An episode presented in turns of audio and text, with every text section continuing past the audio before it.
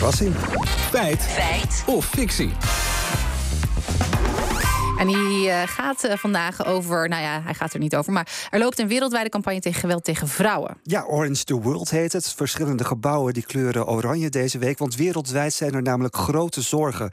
over het geweld tegen vrouwen en meisjes.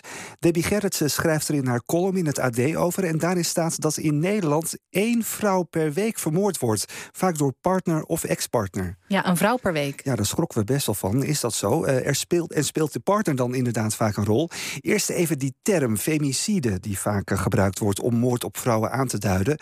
René Rumkens is emeritus hoogleraar gendergerelateerd geweld aan de Universiteit van Amsterdam.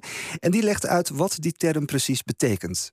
Femicide is de doding van een vrouw op grond van het feit dat zij van het vrouwelijke geslacht is. Dus dat het vrouwelijke geslacht de doorslaggevende risicofactor blijkt te zijn geweest. En dat kan op verschillende manieren. Het gaat in de Nederlandse discussie nu vooral over partnerdoding als vorm van femicide. Ja, en partnerdoding is weliswaar de meest voorkomende vorm van uh, femicide, maar lang niet de enige.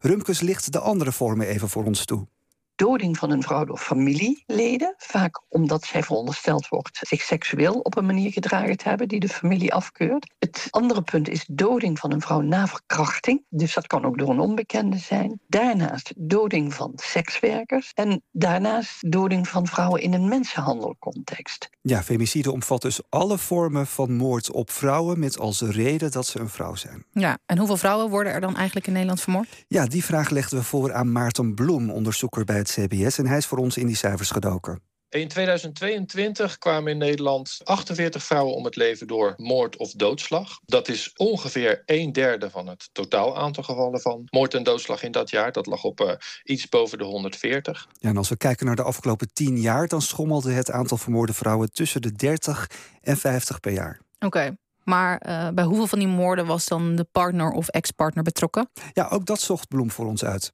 Van alle vrouwen die in Nederland door moord of doodslag om het leven komen, is in ongeveer 6 op de 10 gevallen een partner of een ex-partner in beeld als de dader. Ja, dat is een groot contrast als je diezelfde cijfers bekijkt voor mannen.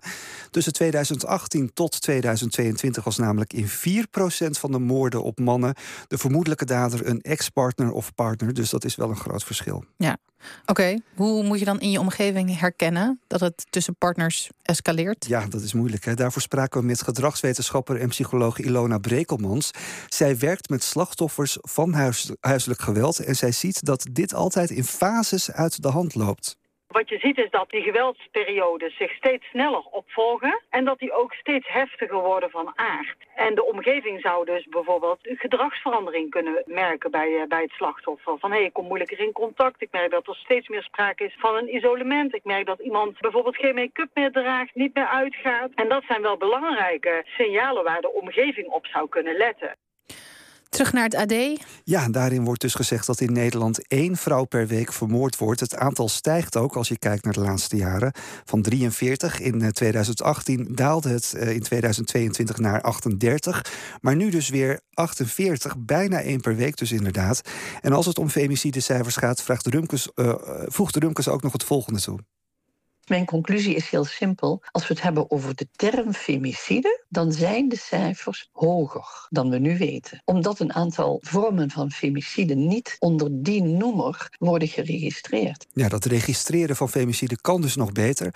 Mocht je het vermoeden hebben van huiselijk geweld bij een ander, dan kun je altijd kijken op ikvermoedhuiselijkgeweld.nl. En ja, wat betreft deze feit of fictie kunnen we helaas constateren dat het een feit is.